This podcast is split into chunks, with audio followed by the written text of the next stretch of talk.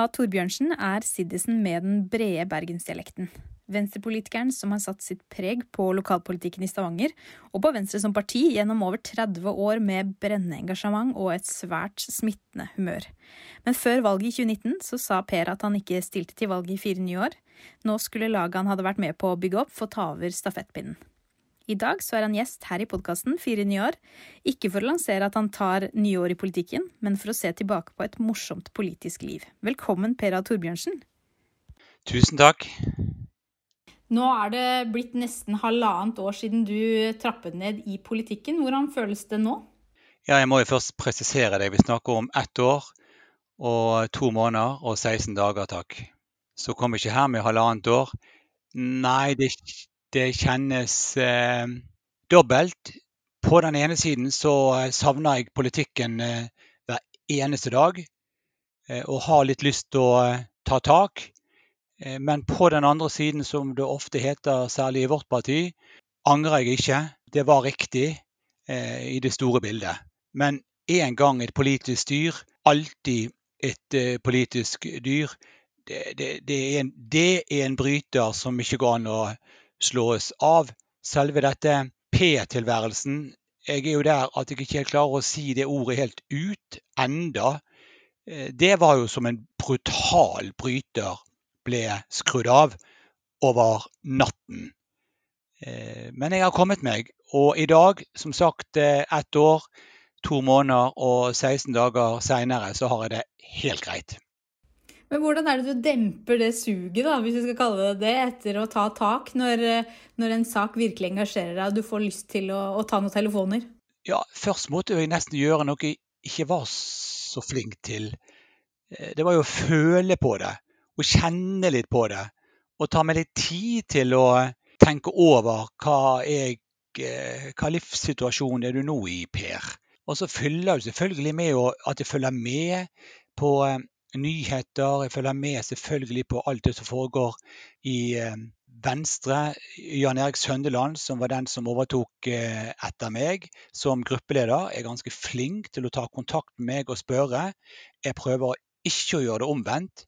Det er Jan Erik som spør meg, og vi har regelmessig kontakt. Og jeg kommer med innspill til formannskapssaker, til kommunestyresaker og ikke minst til det miljøutvalgssakene der jeg var leder og Jan Erik er medlem i, i dag. Så nei, mange bekker gjør en stor å. Altså det at jeg på en måte engasjerte meg på litt sånn ulik eh, hold sett utenfra, det gjorde at jeg i hvert fall fikk dempet et visst sug. Og så hadde jo jeg valgkomiteen store deler av eh, fjoråret. Eh, og så har jeg hevet meg inn i en fem-seks frivillige organisasjoner. Og så har jeg laget mitt eget enkeltpersonsforetak. Så jeg har noen oppdrag. Jeg har jo hekkan med tid til overs. Jeg klarer, ikke, jeg klarer ikke å fylle dette her. Og jeg trener jo som en jojo, men jeg klarer ikke det er helt, det er helt merkelig. Altså, jeg, jeg, har så mye tid likevel. Og det, ja, det er rart. Ja, det er tydeligvis bare å ringe Per hvis man, eh, man trenger litt eh, råd og bistand her fra en som eh, gjerne deler. Det gjør jeg gjerne. Og det er jo heldigvis mange som, som gjør helt uavhengig av dette her lille selskapet. Det er, det er, veldig mange som ringer og spør, og det er kjempehyggelig både faktisk i og utenfor partiet. Så det har jeg bare satt stor pris på.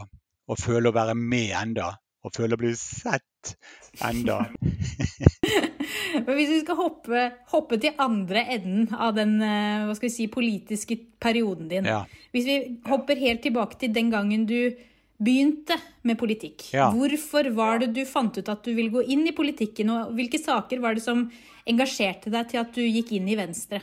Ja, det er jo vanskelig å egentlig svare på, for det var sammensatt av så mye. Det var sammensatt av et ganske jeg var veldig samfunnsengasjert. Jeg var veldig samfunnsinteressert. Jeg, jeg tror jeg var veldig sånn eh, rettferdighetsorientert i, i, i, i, ungdom og ung voksen eh, alder. Så jeg var jo veldig politisk eh, interessert, og jeg mener jeg alltid har stemt Venstre. Men jeg ble jo ikke medlem før jeg var oppe i slutten av 20-årene, kanskje inn i, i, i 30-årene. Eh, og det var, det var, en morsomhet som gjorde det, det var en tilfeldighet som gjorde det, og det var noen rasjonelle grunner som gjorde det. Og de i hvert fall to rasjonelle grunnene som gjorde det, den ene handlet om at jeg hadde gått gjennom Jotunheimen. Jeg var på vei hjem. Jeg kom fra Skogadalsbøen og skulle ned til eh, Vetti og Årdal. Og oppe i Vettismarki så møtte jeg en eh, skog. Det vil si, jeg møtte en helt død eh, skog. Den var helt åpenbart forurenset av all eh, aluminiumsproduksjonen eh, nede i, i Årdal. Det var eh, luftforurensningen som hadde drept den furuskogen. Eh, det var helt forferdelig å gå inn i det. Det var jo som en, et mareritt, som en, som en drøm. Og der og da ble miljøengasjementet mitt på en måte virkelig sånn vekket. Og det var jo i, i mer i et, eh, i et naturvern, eh, klassisk naturvernperspektiv enn det nødvendigvis var i et klimaperspektiv. Men, men forurensning lå jo der i alle fall der i, eh, i bunnen av det. Så det var det ene grunnen. Den andre var at jeg akkurat var blitt leder, eller dvs. Si på den tiden der ansatt på Rogaland A-senter, en rusverninstitusjon. På den tiden der var det ganske stort eh, engasjement innenfor somatikk, særlig eh, hjerteinfarkt, behandling og forskning. Og det var liksom ikke grenser hvordan ressurser og oppmerksomhet og status gikk til det området, og ikke til det som den gangen het alkoholistomsorgen. Eh, det var, det var, det var stor forskjell på en måte å være alkoholiker og det å være eh, angrepet av et alvorlig hjerteinfarkt. Det ene fikk du verdens beste behandling de alkoholikerne, som vi nesten ble kalt den gangen, fikk alt annet enn eh, en god eh, og verdig behandling. Og, det der, eh, det der litt da som blir sånn sosialliberalt eh, engasjement, det, det, også ble veldig bærende for meg eh, gjennom nesten alle disse 36 årene jeg har vært eh, folkevalgt. så det var vel de to hovedgrunnene. Og så var det litt tilfeldig ved at Peder Østgaard, som var gruppeleder for Venstre i Stavanger på den tiden, der, satt også i eh, styret for Rogaland A-senter, og vi kom i snakk. Og dermed så var på en måte veien inn i Venstre ganske åpen. Og jeg husker jeg sa noe på et medlemsmøte, og plutselig så sto jeg på en liste. Så det var jo, ja. Og morsomheten den tror jeg besto i av at jeg var hjemme, passet eh, mine minste barn på den tiden der, og hørte på et radioprogram mellom Arne Rettedal og Per Inge Torkelsen og de er litt ulike personligheter.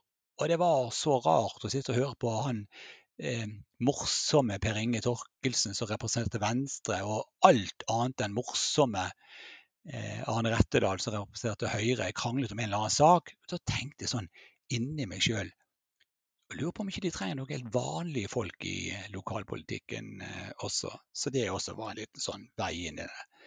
Seinere lærte jeg begge to å kjenne, ikke minst eh, eh Per Inge, som i dag er en god venn av meg. Men gjennom disse da, du sa 36 årene i Stavanger-politikken, så er det mye som har forandra seg. Altså byen har forandra seg, eh, kommunen har forandra seg.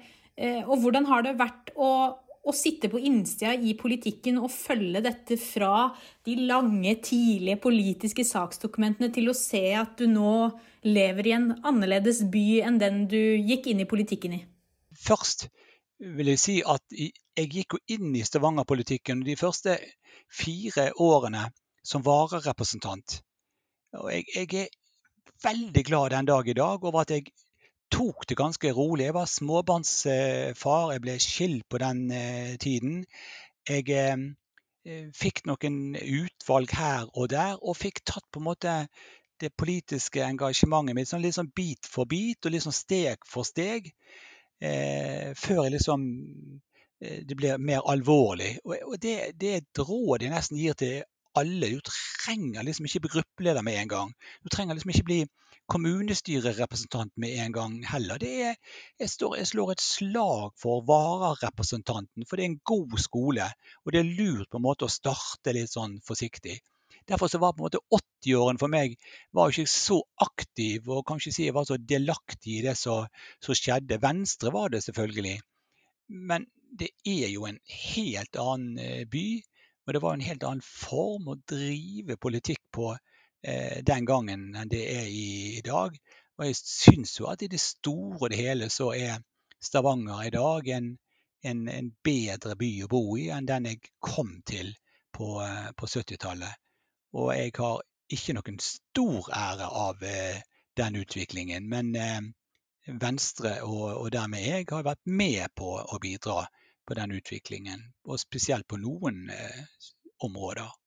Nei, det, har vært, eh, det, har jo vært, som det heter i sånne sammenhenger, det har jo vært et, et eventyr. Det har vært en fantastisk reise å, å, være, å være, med på. Sett hvordan oljeindustrien bygget opp. Eh, sett hvordan eh, livsstandarden, levestandarden til folk har endret seg. Hvordan byen og bygninger og nye bygninger har, har endret seg. Det, er, det, har vært stort å, å, være med på. Stavanger er en, vil jeg si, en ekstrem fin og god by å, å bo i. Jeg har aldri, aldri lengtet tilbake igjen til, til Bergen. Altså, jeg har alltid sagt at det fordundrer meg nok bergensere i Bergen om ikke jeg skulle vært der. Vi må, vi må spre oss litt, og det, det gjorde, var jeg med på å bidra til.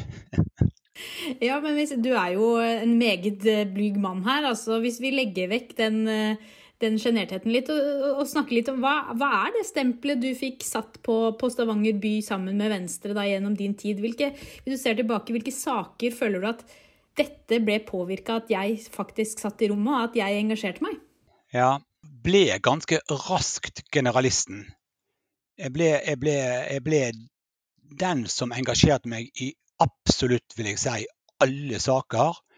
Ingen sak for liten, ingen sak for stor. Eh, det var nok fordi at jeg selvfølgelig satt i formannskap og fikk alle disse sakene. Eh, men det var også sånn ganske bevisst at jeg ikke ville bli skolepolitikeren eller kulturpolitikeren eller for den saks skyld helsepolitikeren. Jeg ville, jeg ville, være generalisten som var med å sette noen spor på, på, på flere eh, områder. Ja, hva er det som er de store sakene? Jeg lager meg en sånn ti på toppliste, men den endres eh, relativt eh, raskt. Noen saker går inn, og noen saker går, går, går ut. Men jeg tror nok at den saken som, som gjør at Stavanger er, er den byen eh, som vi er i dag, eh, litt sånn materiell sett, det er jo dette enorme fokuset vi hadde på trehusbyen eh, Stavanger. Vi har 9000 eh, trehus eh, med en, over 20 000 innbyggere som bor i de sentrale bydelene.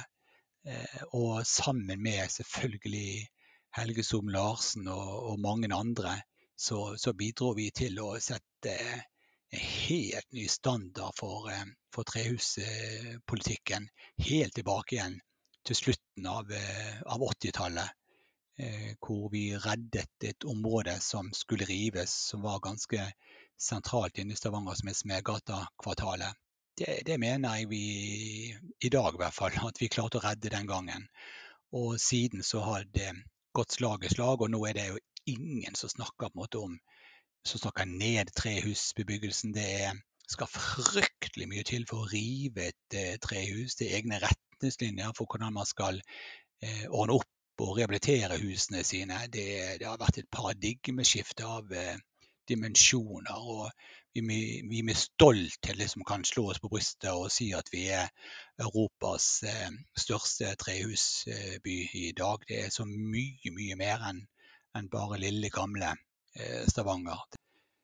Hvis jeg skal gå sånn i den litt andre gaten, så eh, var jeg leder av levekårsstyret i, i fire år. Eh, og tror jeg fikk sagt noen spor. Blant annet at vi opprettet Alternativ til vold, kontor her i, i byen. Som kom etter at vi fikk en handlingsplan mot vold i nære relasjoner på, på plass. Så det at vi fikk ATV-kontor, at krisesenteret ble kommunalisert, at vi fikk bygget eh, flere institusjoner for, eh, og boliger for eh, utviklingshemmede, rusmisbrukere, eh, funksjonshemmede, selv om det dessverre i dag enda er lange lister. Nei, det, det sosiale engasjementet og tror jeg også at jeg blir, vil, er litt kjent for at jeg, at jeg hadde min interesse for, oppi mye annet, selvfølgelig. Det største i dag er kanskje det innenfor idrett. Det at vi har bygget i et interkommunalt selskap hele fire folkehaller Eh, og det er innendørs skøytebaner og friidrettsbaner og fotballbaner. Nå er det en velodrom som står på, på, på, plass. Og vi har jobbet som sagt dette fram interkommunalt. Og i dag har området Nord-Jæren status for å være virkelig sånn kraftsenter for disse idrettsarenaene. Både i et folkehelseperspektiv og i et breddeidrettsperspektiv, og selvfølgelig også i et eh, eliteperspektiv. Så jo, Gamle, eh, nei, Trehusbyen, sosialt engasjement, folkehalle. Eh, men som sagt, gjennom i hvert fall 28 år i formannskapet, så er det klart at det har vært tusenvis av saker jeg har vært med å sette mitt stempel på gjennom Venstre. Ja, og som du, som du nevnte, det, altså dette med idrettshaller. Det er flere av disse tingene som du er engasjert deg i. som, ja, Det er lokalpolitikk, men det er også regionutvikling. Og da ikke minst så har jo du vært en, en, en tydelig stemme for regionen din, også nasjonalt, for å få disse tingene igjennom. Men du har aldri, du har aldri stilt til valg til Stortinget eller hatt nasjonale ambisjoner? Nei, jeg har vært lokalpolitikeren og har, har på en måte høres rart at jeg sier at jeg, at jeg, har innfunnet meg med det, men det mener jeg med sånn veldig positiv eh, betydning. Eh, det er nå tross alt i kommuner vi bor. Det er i, i, i kommunene innbyggerne ser eh, hva som blir gjort, og hva som eh, ikke blir gjort. Og selvfølgelig er vi avhengig av statlig hjelp og regional hjelp noen ganger men det handler om kommune. Og det å være nær innbyggerne. Jeg har jo dyrket også ombudsrollen ganske iherdig. Den nærheten ville vi aldri fått hvis jeg skulle sittet på Stortinget. Og jeg hadde sikkert druknet der inne blant de andre 168 eh, stortingsrepresentantene. Her fikk jeg liksom lov til å ha en prosesjon og være en, en ganske framskutt per, eh, posisjon i perioder, i hvert fall. Eh, og fikk lov å være med på det aktive eh, politiske området og endre på, på, ting, forhåpentligvis til det beste. Eh, nei, hvorfor skulle jeg gå fra lokalpolitikken til jeg som jeg elsket, til en stortingstilværelse som jeg i hvert fall ikke vet helt hvordan jeg hadde klart å, å håndtere. Angrer ikke et halvt sekund på, på, det. Og dessuten har vi hatt fantastiske folk både i Gunnar Kvassheim og i Helge Som Larsen, og nå de siste eh, periodene Iselin eh, Nybø. Så det har ikke vært noen grunn til å ta opp noe konkurranse engang. Nei, mange gode grunner for å holde meg trygt i Stavanger-politikken. Men du var litt inne på dette med denne ombudsrollen som du har dyrka. Og du har jo gjort den på veldig mange ulike måter, som kanskje andre også kan, kan inspireres litt av. En ting er at du er jo kjent for å, for å være veldig tilgjengelig på tråden og, og, være tett på de du er ombud for, men du har jo også gjort en del stunts opp gjennom tida, som f.eks. at du, du har jobba i nesten alle virksomheter innenfor kommunen, du har vært ute i bedriftene, du har hatt veldig mye rett og slett gått i praksis ut for å se åssen hverdagen er ja, det har jeg. Det var vel rundt 2015 at jeg gjorde det som du kaller stuntet. Jeg jobbet jo ikke, men jeg, jeg var til stede i 50 eh, av kommunens eh, virksomheter eh, over en, ja, et års tid. Hvor jeg virkelig fikk se hvordan det var å være i barnehage og jobbe i barnehage på krisesenteret. Jeg var nede i grøfter og grov på sprukne vannrør. Jeg var brannmann. Jeg var på biblioteket. Jeg var i skolen. Jeg, var, jeg, fikk, jeg fikk være overalt. Og jeg fikk jo hilse på kolossalt mange mennesker. Jeg tror jeg tok og den tiden kunne man ta folk i hånden. Jeg tror jeg tok tusenvis av mennesker i hånden og hilste på i løpet av det året. Og eh, brannmann, kjære vene, det var jo på en måte en en drøm som gikk i oppfyllelse når jeg satt der framme i brannbilen. Vi var på utrykning, og jeg hadde det helt fantastisk med meg sjøl inntil jeg kom på at herregud, det kan hende at det brenner et sted. Og noen eh, er forulykke, så jeg må i hvert fall holde gleden min og lykken min eh, veldig på, på innsiden og bli alvorlig igjen. Men det var ganske stort å høre sirenene, og jeg satt der. Vil si at Det som først og fremst har preget ombudsrollen, er jo at jeg heldigvis gjennom disse årene, også når jeg var fritidspolitiker, når jeg var deltidspolitiker, før jeg ble heltidspolitiker, alltid hadde frikjøpt tid. Så når folk ringte og hadde noe på hjertet, så kunne jeg si, og jeg sa relativt raskt, hør, vi må, vi må treffes under fire øyne. Vi kan ikke sitte og snakke om disse alvorlige tingene på, på telefonen. Vi må, vi, må, vi må møtes. Så ja, jeg tror det har vært tusenvis av sånne møter opp gjennom eh, årene. Eh, og jeg har lyttet, og jeg har prøvd å hjelpe til på en riktig måte. Det er mange grøfter å gå i når man er ombudspolitiker. Eh, men eh, mange har fått hjelp. Noen fikk aldri hjelp, og noen fikk kanskje eh, litt hjelp. Men det å ha den nærheten og være tilgjengelig for, for innbyggerne, det eh, har vært et, eh, et, mål. Og det er jeg fryktelig glad for at jeg bestemte meg for ganske tidlig for å, for å gjøre. Men i løpet av din periode i Stavanger-politikken, hvordan vil du si at at politikken har endra seg. For det, er sikkert en ganske annen politisk situasjon fra da du gikk inn til i dag. Og ikke minst så har jo den digitale virkeligheten også endra seg veldig, og sannsynligvis også påvirka stort det politiske ordskiftet. Eh, kan du si noe om hvordan den utviklingen har vært? Ja, sett med mine øyne, og, og det er jo som du sier, at det, det er vel det digitale som er den, som er den store, store radikale endringen. Jeg, jeg, jeg, kom jo inn i politikken i før PC-ens tid. Og i politikken kom jo ikke disse tingene for fullt før, før litt ut på 90-tallet. Så denne digitaliseringen, og særlig betydningen av at i dag så er jo det er jo, det er jo kommunestyrer, uformelle kommunestyrer overalt.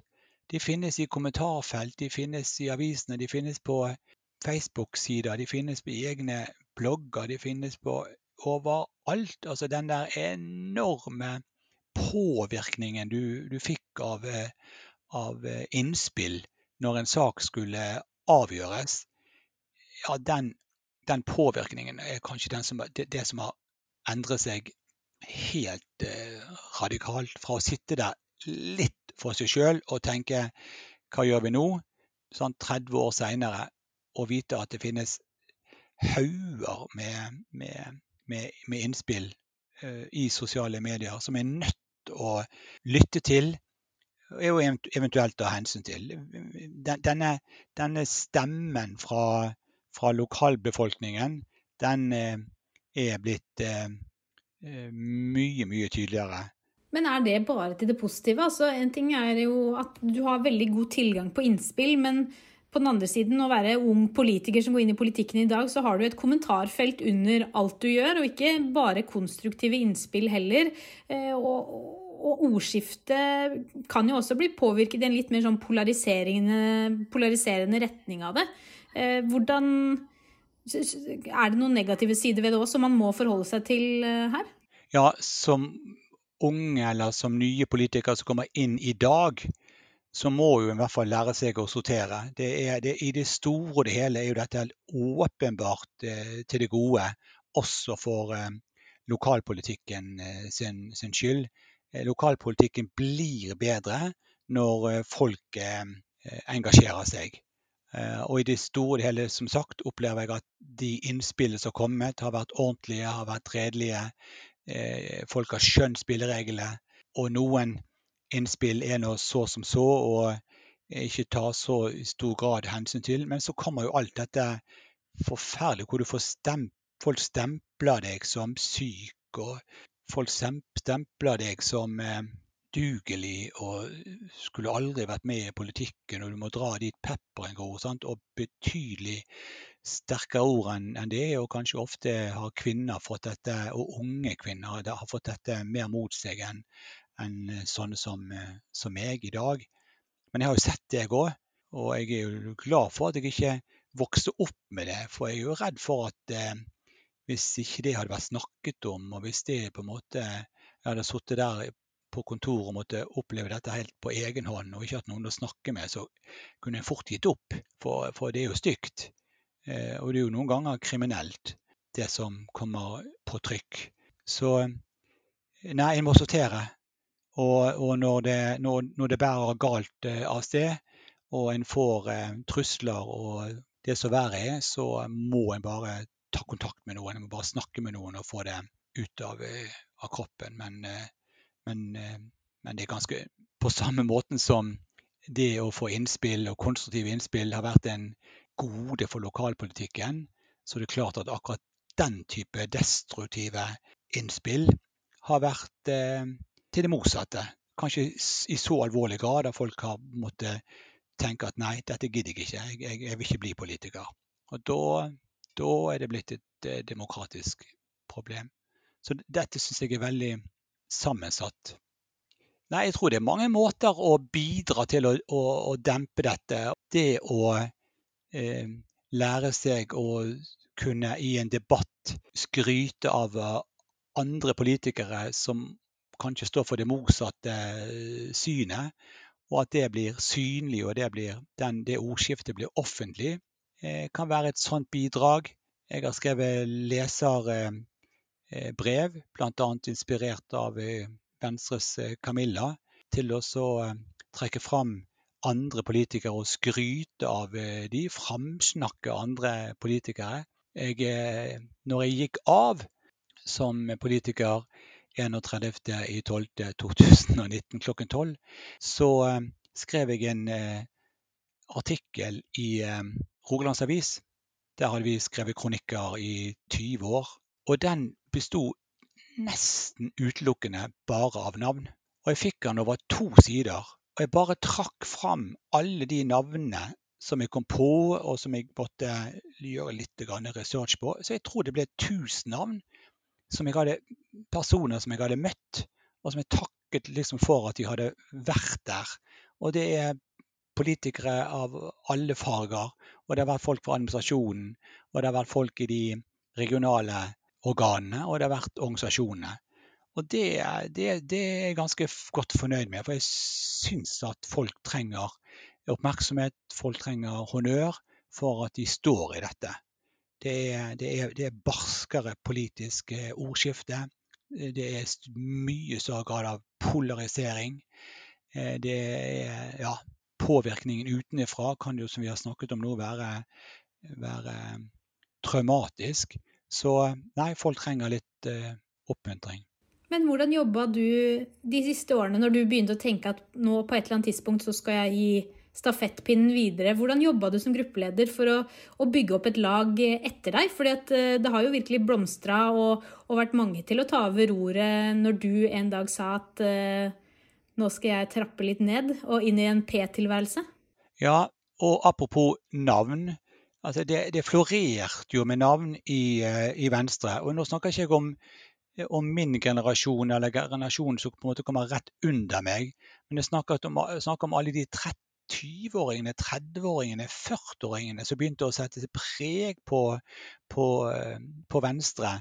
Eh, enten det var Anna Marie Ria Gutierrez, det var Rune Askeland, det var Nette Frøyland, det var Hege Nordbø, det var Hege Blom Stene, det var Erik Hammer, det var Harald Hammer, det var Jan Erik Søndeland, det var Mette Vabø, det var Kjartan Lunde, det var Rora Haugen, det var Line Kristiansen, det var Bjarte Espeland, det var Sofie Braut Bakke, det var Iselin Nybø, det var Magnar eh, Bartlett. Det, det, var og sikkert mange, mange flere. Altså Folk sto i kø.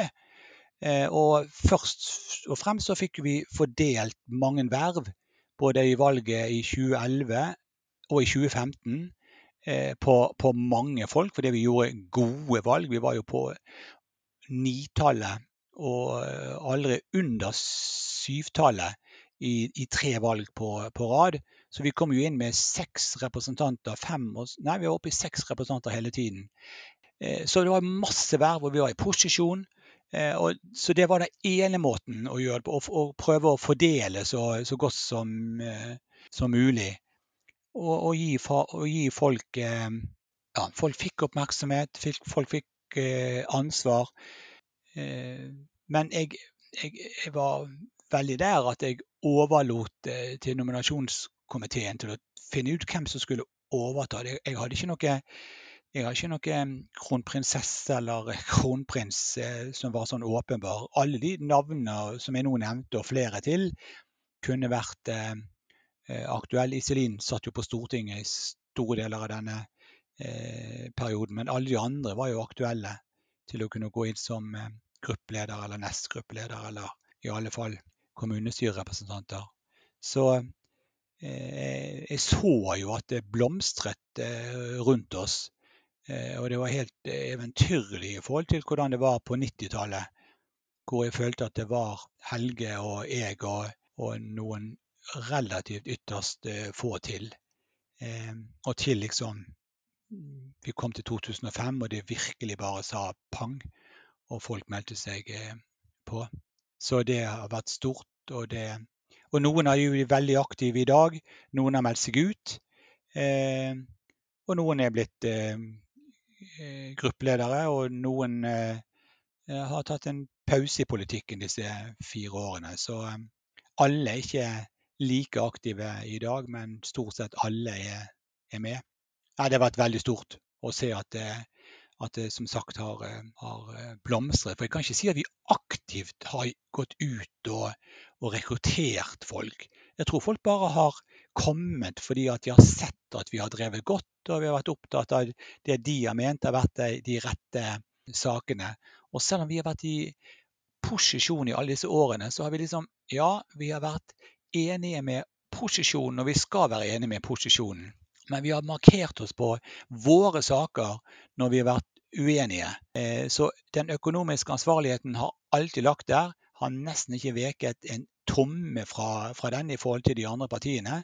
Mens vi har spilt oss helt ut i de positive gaten når det gjaldt andre viktige saker. Og denne balansegangen den eh, ligger jo innenfor formannskapsmodellen. Eh, og den har vi, eh, den har vi utnyttet eh, til det, til det, vil jeg si, i all beskjedenhet, til det vakre. Det, det er noe annet i dag. I dag syns jeg at dagens posisjon, som endret jo hovedfargen fra blågrønn til i beste fall rød-grønt, har, har, har tenkt altfor mye på at de kanskje er er, har parlamentarisme som, som, eh, fundament. Og det, det, har de ikke. Men de, de kom med et enormt eh, program som gjorde at eh, ingen andre innspill var det nesten eh, plass til.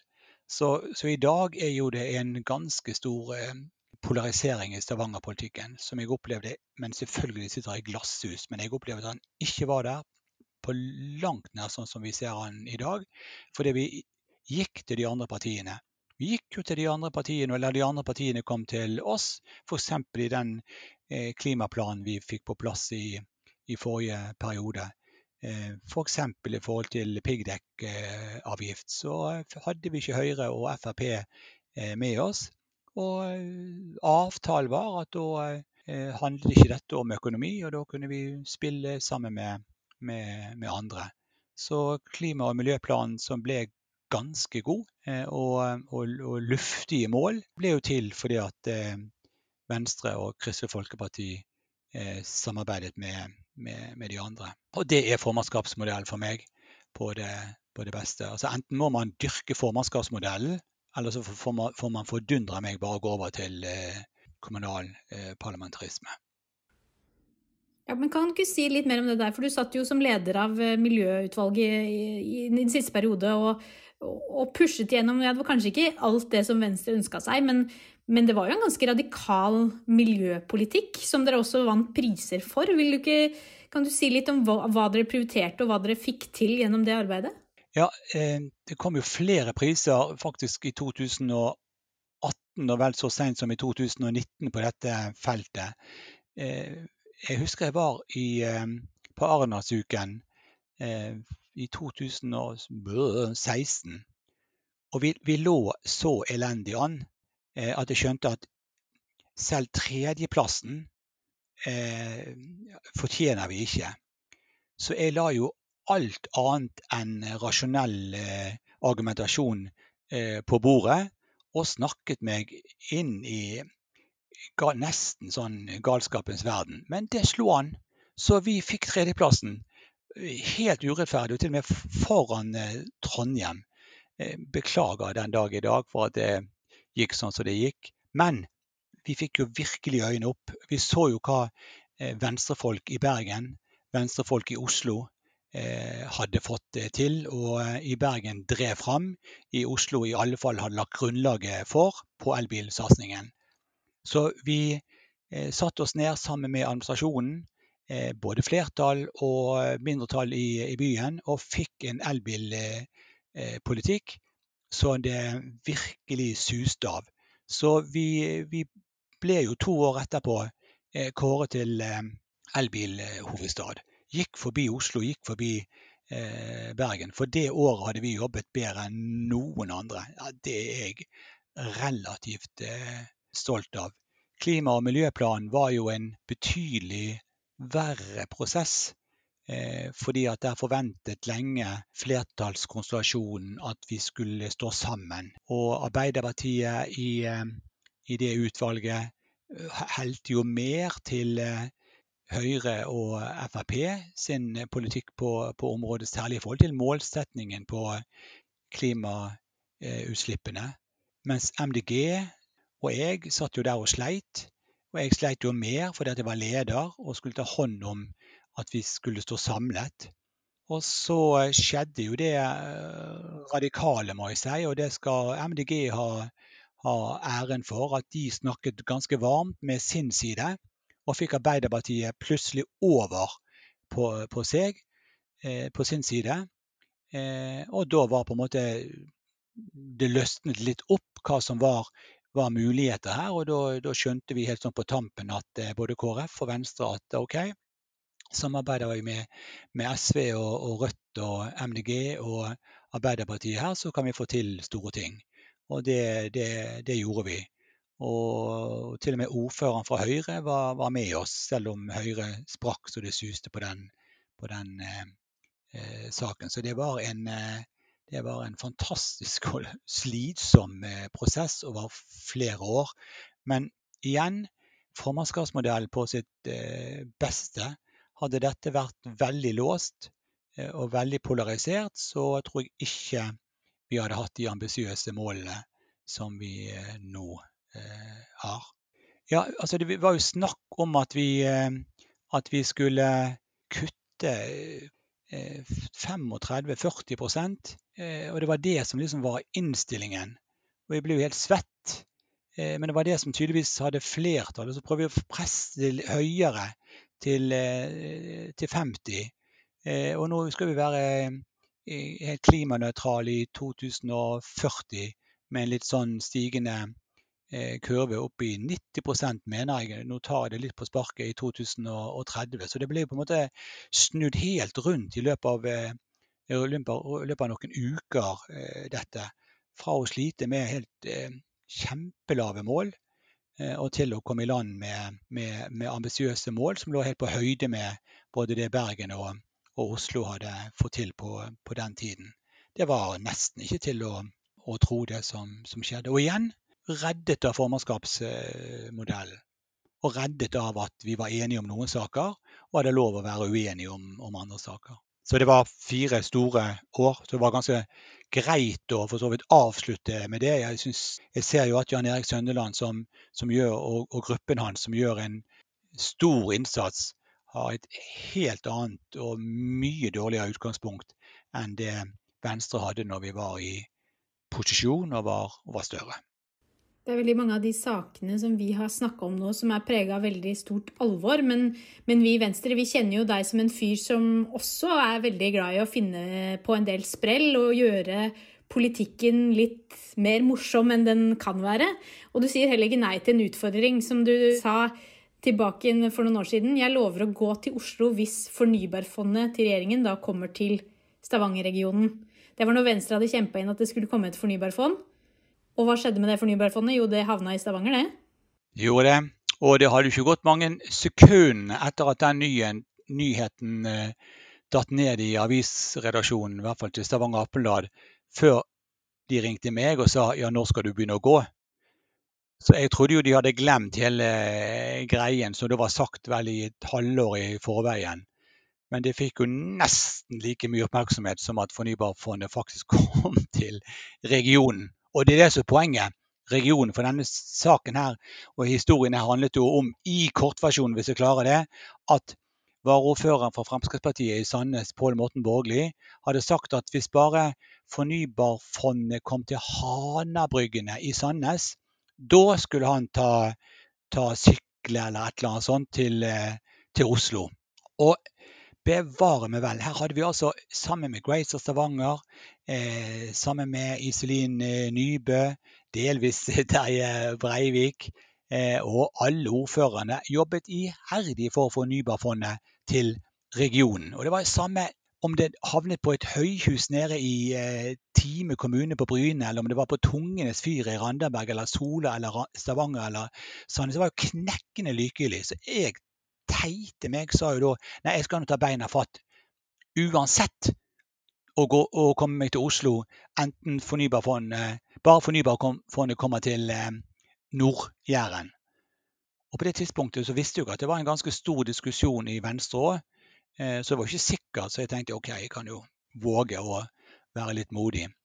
Men eh, det endte jo med at jeg eh, i, i, mai for noen år siden eh, begynte å løpe etter et Eh, at formannskapet var slutt sånn i halv sju-tiden. Og jeg ble heiet ut eh, av, eh, av, korridorene og av den første gaten. Men det var hekkende ensomt å begynne å løpe nedover inn i Hillevåg og Marie Ro og tenkte hva i hulis er det jeg har gjort? Det var nesten sånn at jeg var på, på gråten. Jeg syns det var helt tåpelig eh, funnet på. Men det gikk ni dager, og jeg kom meg til, Oslo. Det var jo alt fra at når jeg kom i Sirdal, og da hadde vi løpt gjennom hele natten. Og det var jo elleve mil opp eh, der som jeg tok i én eh, økt. Og da kom jo folk ut fra hytter og skur, holdt jeg på å si, og heiet på meg og virkelig ga meg eh, guff på de siste milene. Og så var det en dame som stoppet opp og og sa eh, Torbjørnsen, jeg ser at du er sliten, så du må bare komme inn i bilen, så skal jeg kjøre deg den siste milen. Men da var jeg jo livredd for at det satt en eller annen journalist i baksetet der, så jeg takket høflig nei. Men hun, noen kilometer seinere så kom hun med, med, is til meg og en pølse til meg. og forsynte meg med litt eh, ekstra mat, så jeg virkelig klarte å holde, holde ut. Men dramatikken, i den grad det var det, var jo et eller annet sted oppe i Hutaheiti inne i Telemark sine skoger, og hvor jeg plutselig gikk der alene på venstre side. Og Jeg la jo merke til at når jeg løp, så vinket bilistene. Men når jeg gikk, så ristet jo folk eh, og bilistene på hodet. Og så snudde jeg meg en gang, og så så jeg at det kom en, en politibil der eh, med blålys og greier. Og jeg tenkte yes, endelig noe action! Eh, og nå kan jeg i hvert fall følge med den når den kjører for, forbi meg, liksom. Og oh, det skjer noe. For det var tungt inni de der skogsområdene. Og masse trafikk. Pittle meg så stoppet ikke denne politibilen ved siden av meg, og det var jo ingen andre han kunne henvende seg til enn meg. Og da hadde de altså fått klager fra bilistene på at det gikk en grønn mann langs eh, veien og så visst litt rar ut. Så de hadde måttet rykke ut og sjekke hva dette var. Og jeg fortalte litt sånn at dette var bare tapt veddemål, og politifolkene begynte å le. Og, og um, ned, var i ferd med å rulle ned vinduet og bare beklage det hele. Inntil jeg liksom begynte å forklare hva Fornybarfondet egentlig var. Og jeg gikk jo inn i detaljenes rike, for jeg hadde jo god tid der inne i, på veien i skogen. Og jo mer jeg preiket om Fornybarfondet, jo mer rarere så jeg at de der to eh, folkene i bilen så på hverandre. Og da begynte de å sjekke ja, nei, hva var det du sa personnummeret ditt eh, var. Da begynte de virkelig å sjekke ut om jeg var helt ute å kjøre liksom, og hadde liksom bare flyktet hjemmefra eller var alvorlig dement og ikke helt visste hvor jeg uh, var. Nei, det ble nok en dram morsomme, men relativt dramatiske minutter akkurat for å forklare at alt var, alt var ved sine fulle fem. Tydeligvis ikke så vant til fotgjengere inne i skogen der. Nei. nei. Men jeg gikk på, jeg gikk på rett side. Um, og, um, og uh, problemet var jo at når jeg nærmet meg Hokksund, da kom jeg inn på motorveien, og det hadde ikke helt eh, tenkt på at det var ikke lov å gå der. Så det ble jo betydelig lenger for meg å gå fra Hokksund eh, og inn mot Asker i første omgang eh, enn det jeg hadde beregnet. Så ja, skal det sies, Jeg var jo i den velkomstkomiteen. Da skulle du møte Trine Skei Grande og Iselin Nybø på, på, Løvebakken den dagen. Og det som kanskje ikke så mange vet, det er jo at uh, du løp jo så fort at du kom altfor tidlig, så du måtte jo sitte på en kafé i Oslo og vente. jeg gjorde det, og da sa Trine For jeg husker ikke hva den kafeen heter i dag, men det var den samme kafeen som Bill Clinton måtte sitte og vente på når han kom litt for tidlig til et eller annet eh, arrangement når han besøkte eh, byen. Så Trine sa den gangen at hun kjente to store personligheter som hadde sittet på den kafeen og måtte vente på at noe annet skulle skje. Veldig morsomt. Men dette livet som politiker, det er jo, det er jo ikke bare medvind heller. Det, I perioder så er det veldig trått, og det tar mye tid, man får mye motstand. Man, man, oppnår ikke det man drømmer om. Det engasjementet man hadde, ble kanskje litt vanna ut i sakspapirer. Når du ser tilbake på det, hvorfor gadd du? Nei, det var jo en kombinasjon av at vi fikk jo ting til. Vi hadde jo det, hadde jo det kjekt, og jeg elsket jo eh, å jobbe sammen med andre partier. Jeg er veldig glad i ordet kompromiss. Jeg tror vi fant fryktelig mye gode kompromisser. Eh, og jeg oppdaget jo at eh, vi kunne gå inn i budsjettforhandlinger, og ingen av oss eh, var klar over hva som da faktisk ble løsningen. For løsningen ble ofte bedre enn det vi kom inn med i forhandlingene hver for oss. Og den der dynamikken der, den inspirerte meg. Møte med folk, enten det er publikum, innbyggere, andre politikere, stortingspolitikere og, og Venstres eh, regjeringsfolk. Vi har tross alt vært i regjering i ganske mange år. Eh, fra, fra 1997-98 og til i dag. Men Det høres jo kanskje litt sånn voldsomt ut, men jeg syns jo at Venstres ærend er ekstremt viktig. Den der vakre balansegangen mellom fellesskapshensyn og fellesskapspolitikk opp mot eh, enkeltmennesket og enkeltmenneskets frihet. Det er jo en balanse som ethvert samfunn eh, trenger. Og Venstre står jo for den i sin på det liber, altså liberale eh, prinsipper i sin, i, i sin sosialliberale engasjement.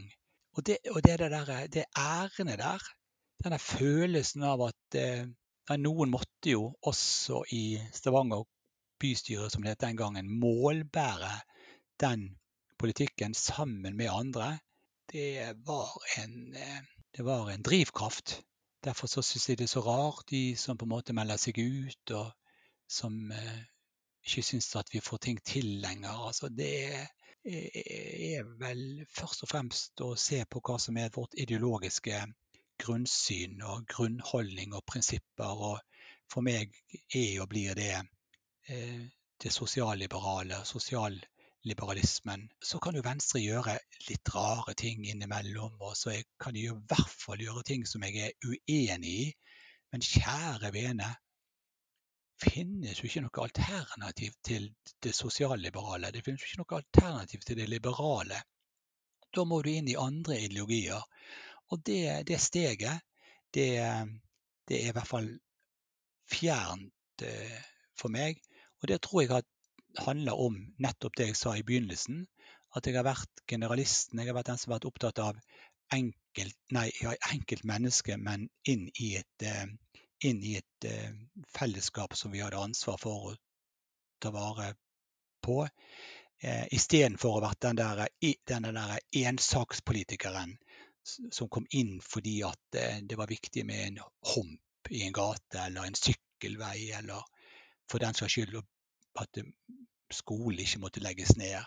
Jeg er glad for at jeg kom inn som, som generalist, for, eh, for det, er jo, det, er jo, da du virkelig kan kjenne på det ideologiske.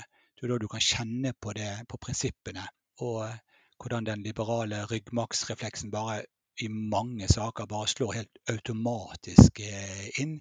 Ikke fordi det står skrevet noe steder, ikke engang i prinsippene våre, men det er bare en refleks som er der. Den har jeg sett hos mange, og den har jeg kjent på, på, på sjøl også. Og eh, nei, eh, en gang sosialliberaler, alltid sosialliberaler. Dette med fire nye år, altså enhver lokalpolitiker og enhver politiker lever jo i en fireårssyklus. Eh, og du jobber både samtidig med å få gjennom de politiske sakene, men du har hele tiden Du lever hele tiden på oppsigelse. Du må hele tiden også jobbe for et, et gjenvalg. Hvordan påvirker det det politiske arbeidet? Det at du, både det at du må gå inn i de politiske sakene, og det tar utrolig mye tid, samtidig som du må jobbe med valgkamp og organisasjon og mobilisere medlemmer parallelt. Det, det er ganske sånn bredt felt å jobbe med, og ofte da frivillig ved siden av en annen jobb? I Stavanger har vi vært eh, veldig heldige med å være mange og kunne fordele eh, oppgavene mellom oss. Så jeg har jo nesten sånn tatt for gitt at vi skal få lov å fortsette.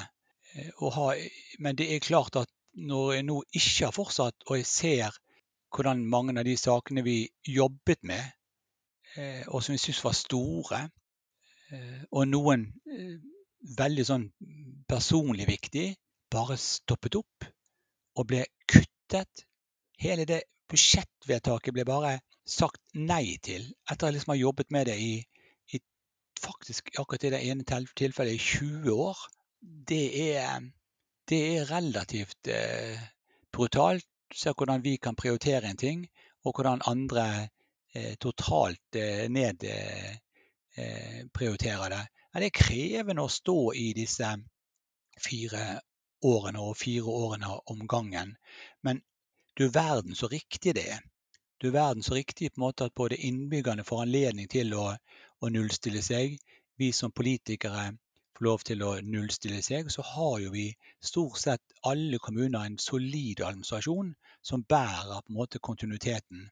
Og Det er jo det som gjør denne formannskapsmodellen igjen så, så vakker. At du, du, har det bærende kontinuitetsprinsippet først og fremst i administrasjonen.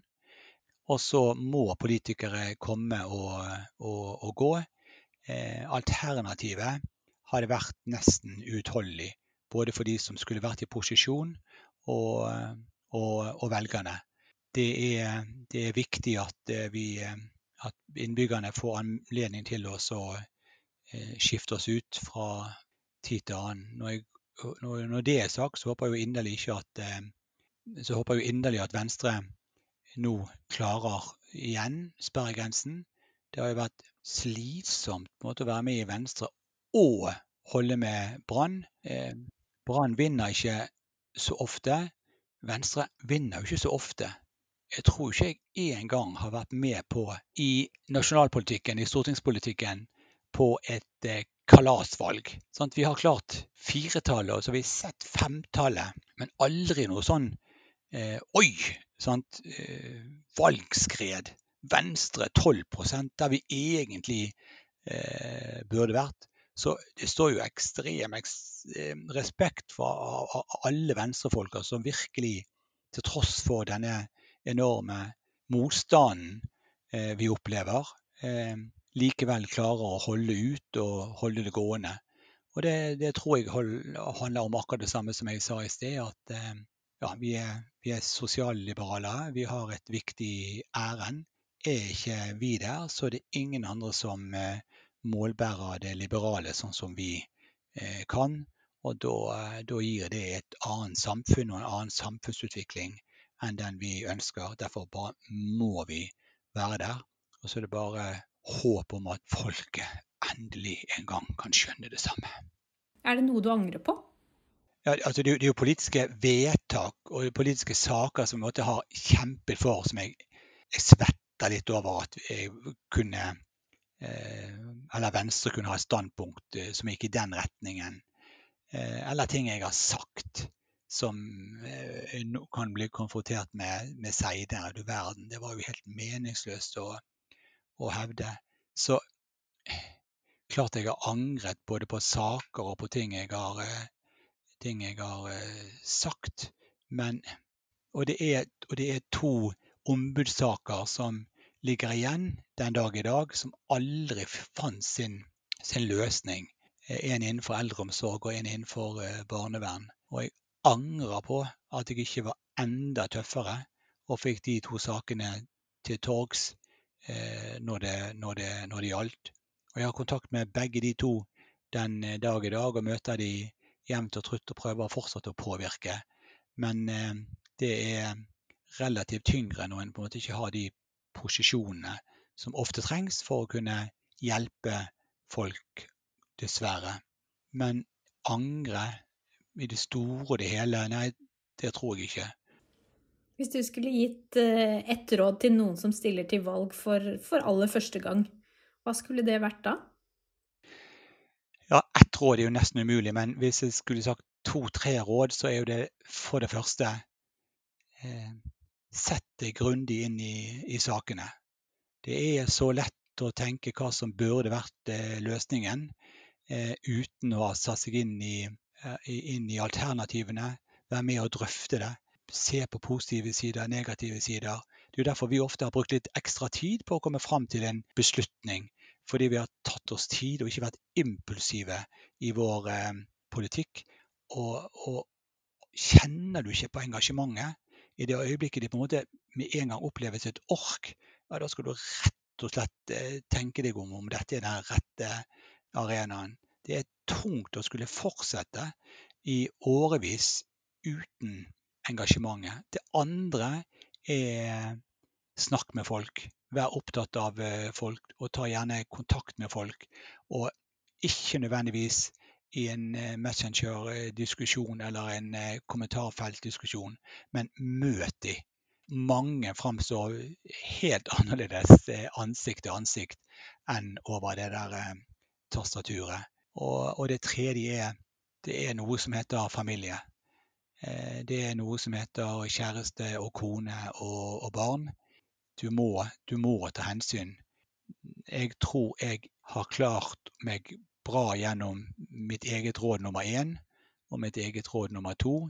Eh, jeg sliter nok med å si at jeg har vært vellykket eh, i forhold til familien min. Altså, de har sett for lite av meg, særlig mine barn vi satt en eh, gjeng voksne, det er ikke så lenge siden, på min alder, og vi begynte å snakke om hvor aktive vi var når barna var små. Og han ene satt der og fortalte at han kjørte til Sirdalen med ungene sine hver søndag i, i hele vintersesongen. Og han andre var fotballtrener på 17. året, både for sine egne barn og andre barn, og nå sine barnebarn.